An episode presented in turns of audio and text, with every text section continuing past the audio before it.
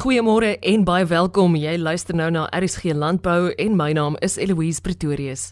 Handige wenke wat moontlik op jou boerdery van toepassing is, kan jy op vanoggend se program verwag en dan sien ek ook daarna uit om jou 'n bietjie later aan 'n merkwaardige vroue boer voor te stel.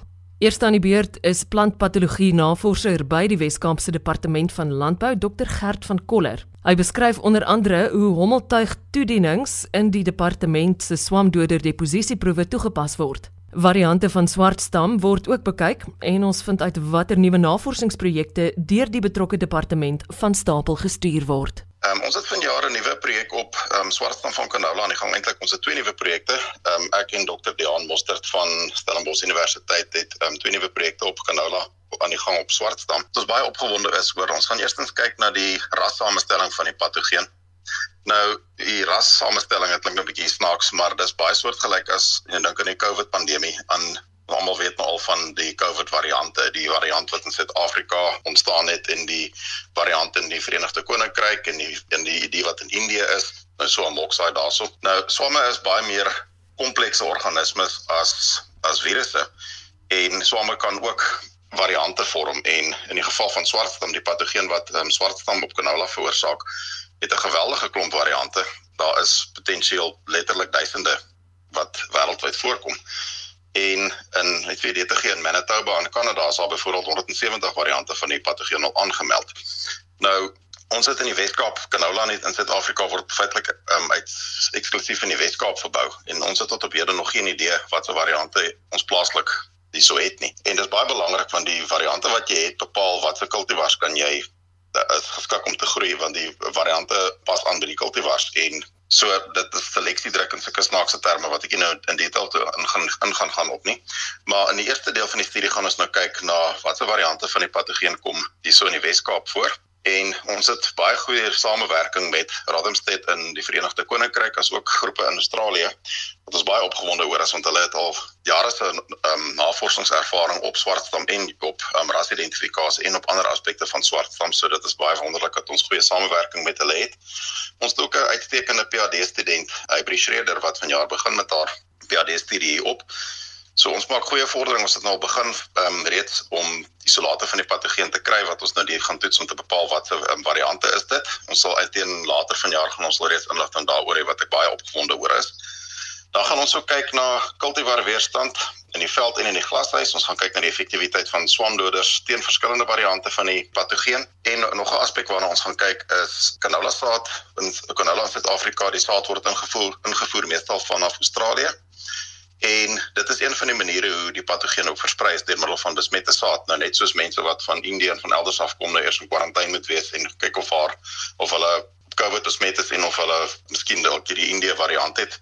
Net so kan daar vreemde variante van die swartstam patogeen deur middel van besmette saad die land inkom. So ons moet ook daarna kyk. So dis nog 'n aspek waarna ons gaan kyk vanjaar. Ehm um, saad wat ingevoer word vanaf Australië en ook ehm um, saad wat teruggehou word op plase wat ehm um, wat geoes is wat dan volgende jaar weer geplant word. So dit is in kort wat ons beplan vir die ehm um, swartstam projek vir vanjaar. Ons sien regtig uit na die resultate ons daar gaan kry. 'n Tweede studie waaroor ek wil praat, ons het laas jaar begin kyk na die na deposisie van swamdoders. Dit is basies as jy jou swam swamdoders toedien, hoe effektief word dit gedoen? Hoe vaar land dit? Hoe goed word die blare bedek? Wat goed so bedek op die blare? En ook hoe uniform is dit oor die land en jou onderste blare, middelste blare, boonste blare, hoe verskil die toediening op die verskillende blare dan. Ons het laas jaar gekyk na wat is die effek van verskillende saaidigthede en ook verskillende spuitvolumes. Ons het byvoorbeeld gekyk na 150 liter, 200 en 300 liter per hektaar. En baie interessant, ons gevind daar was weinig verskil in saaidigtheid en spuitvolumes. Dit het eintlik nie veel van 'n effek gehad nie, so dit maak dit eintlik nogal bietjie makliker vir ons as ook natuurlik baie handige inligting vir produsente.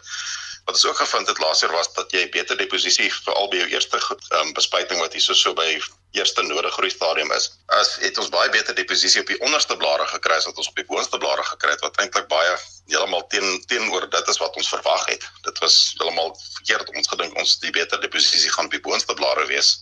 Wat toe kry ons die beste deposisie op die onderste blare. So vanjaar gaan ons nou aan ons gaan die ja die studie nou herhaal vanjaar by Langgewens Navorsingsplaas by Tamamsbury. En nou gaan ons kyk na wat is die effek van jou laarspuitvolumes wat ook in baie meer keer meer in lyn is met wat produsente doen. Ons gekyk byvoorbeeld na die reeks van 50 tot 150 liter bespuiting per hektaar.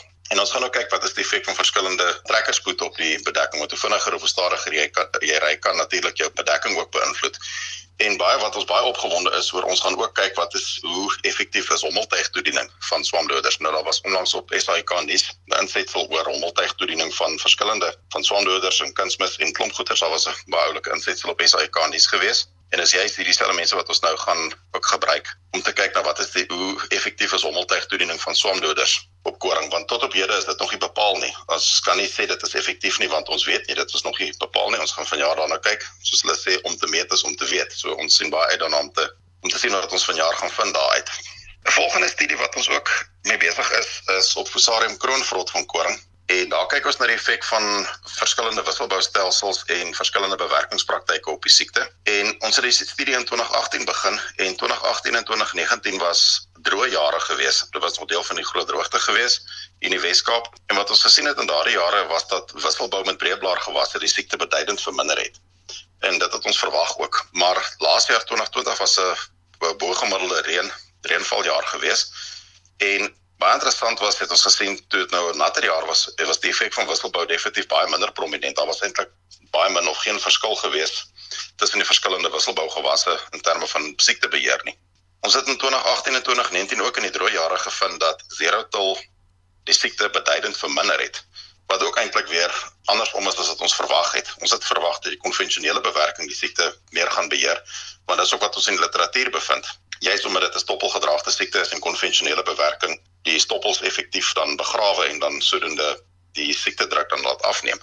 En Zerotel wat jy's die absoluut geen verstoring het nie en al die stoppels lê nog steeds op die grondoppervlak was die stelsel wat die minste siekte gehad het. Was beduidend minder as van die ander stelsels gewees. Die siekte insidensie interessant genoeg was steeds hoër nie oor die droë en in die nat jare. Daar was eintlik 'n verskil in siekte insidensie gewees. Ons het 70-80% insidensie in party gevalle gekry en daar was eintlik 'n verskil tussen die jare gewees nie.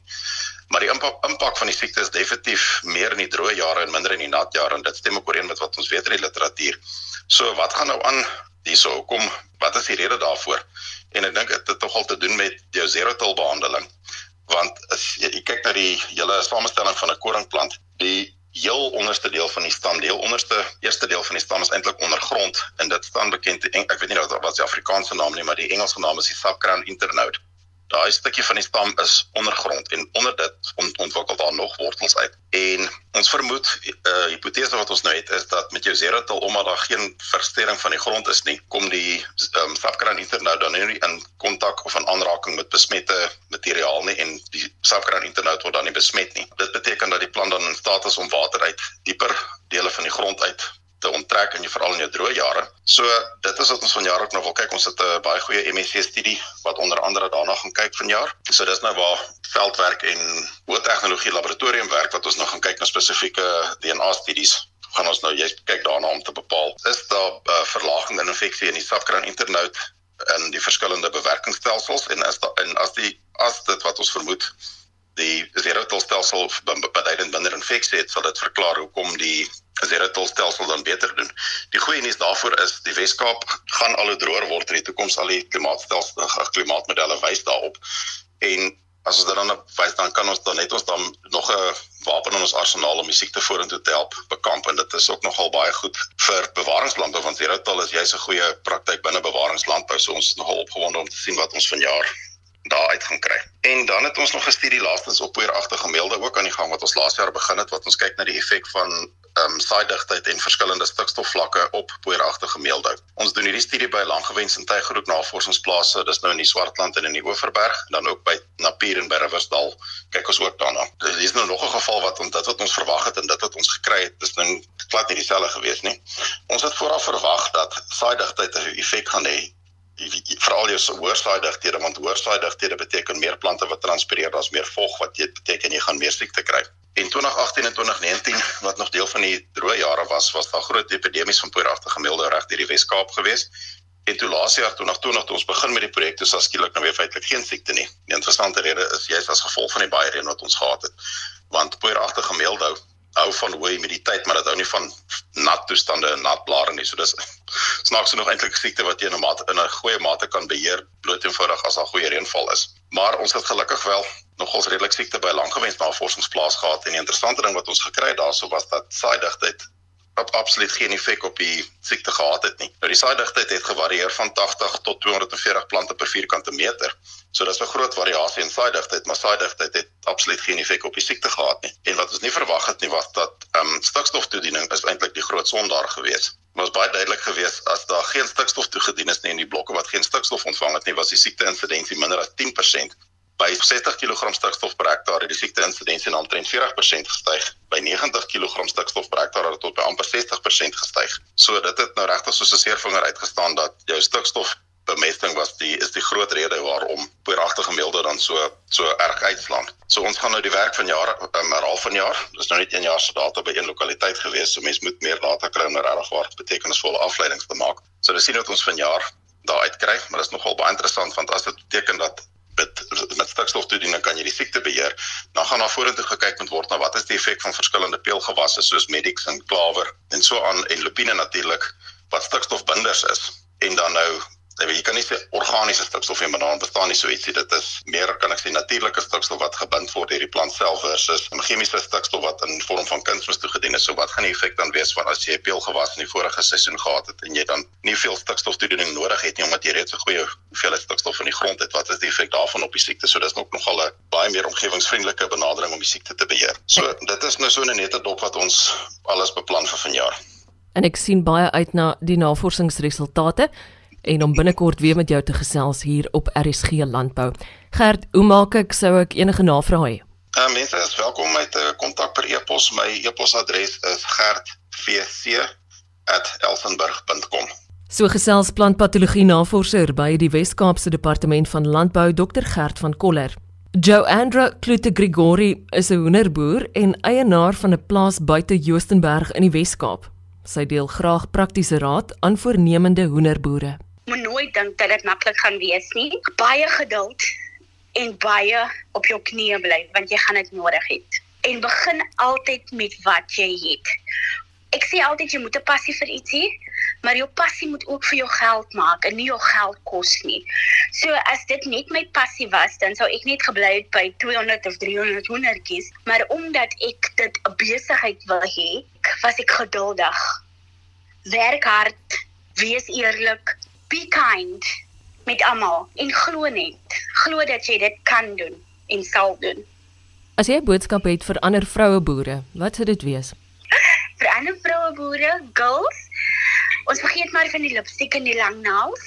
Daar gaan baie slapelose nagte wees en ek dink as 'n vroue boer werk jy 10 keer harder want om 'n vrou te wees, jou werk hou nooit op nie. So jy gaan 'n familie hê, jy gaan vriende hê en jy gaan 'n besigheid hê en 'n goeie balans is nodig. En voordat jy enigiets anders is, wees net jouself en value yourself. Hoe het jy kop bo water gehou tydens die inperking? Die inperking Ek was gediem as essential en dit is nog ietsie wat ek ook vir ander boere wil sê. Ons is 'n baie baie belangrike deel van ons kontinent of van ons country. Ons mag dalk soos ek gesê het, dit is nie 'n glamorous industrie nie, maar COVID het weer eens vir ons gewys dat ons essential is. Die feit dat ek essential was, het baie bygedra tot my sukses want ek het dubbel produksie verkoop in COVID.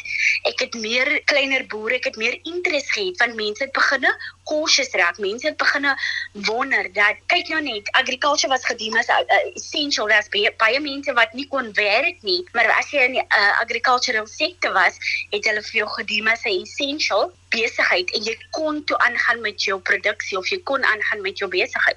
COVID was baie kind to my business om eerlik met jou te wees ek het nie baie gesaf nie. Ek het nie nodig gehad om toe te maak nie. Net ek het actually meer werkers aangestel ook in COVID. Die besigheid het het, het basically verdubbel in COVID.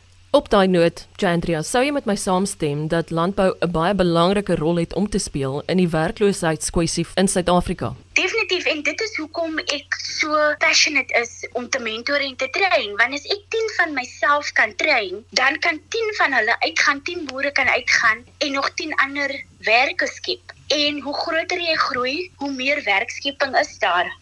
Verstaan jy? Want dit is een van die dinge wat ek baie passionate about is. En landbou kan dit doen en het nog altyd dit gedoen. Waar is jy nog opgewonde as dit kom by landbou? Oor baie dinge. baie baie dinge oor nuwe deure wat moet oopmaak, oor beter opportunities en oor daai groot import. As ons kleiner boere net die opportunity kry om ons produkte te verskaf aan die retailers, dan kan ons 'n baie meer gesonder land ook hê, want ons gaan 'n gesonder produk ook eet. Van die op die huidige oomblik import is oor die 35 billion rands worth of chicken. As ons kleiner boere net op daardie skaal kan kom om te compete met daai import, dan kan ons definitief meer werke in ons landskap en ons sal ook baie meer gesonder human race hê. Hoenderboer en bekende mentor in die bedryf, Joandra Klute Grigori. Ek wil jou graag uitnooi om môre om kwart voor 12 weer in te skakel hier op RSG om hierdie Agri Weskaap Jongboer van die jaar finalis beter te leer ken en om haar merkwaardige storie te hoor. Luister na hierdie en ander programme deur dit af te laai van www.elsenburg.com. Ek is Eloise Pretorius en ek groet jou tot môre.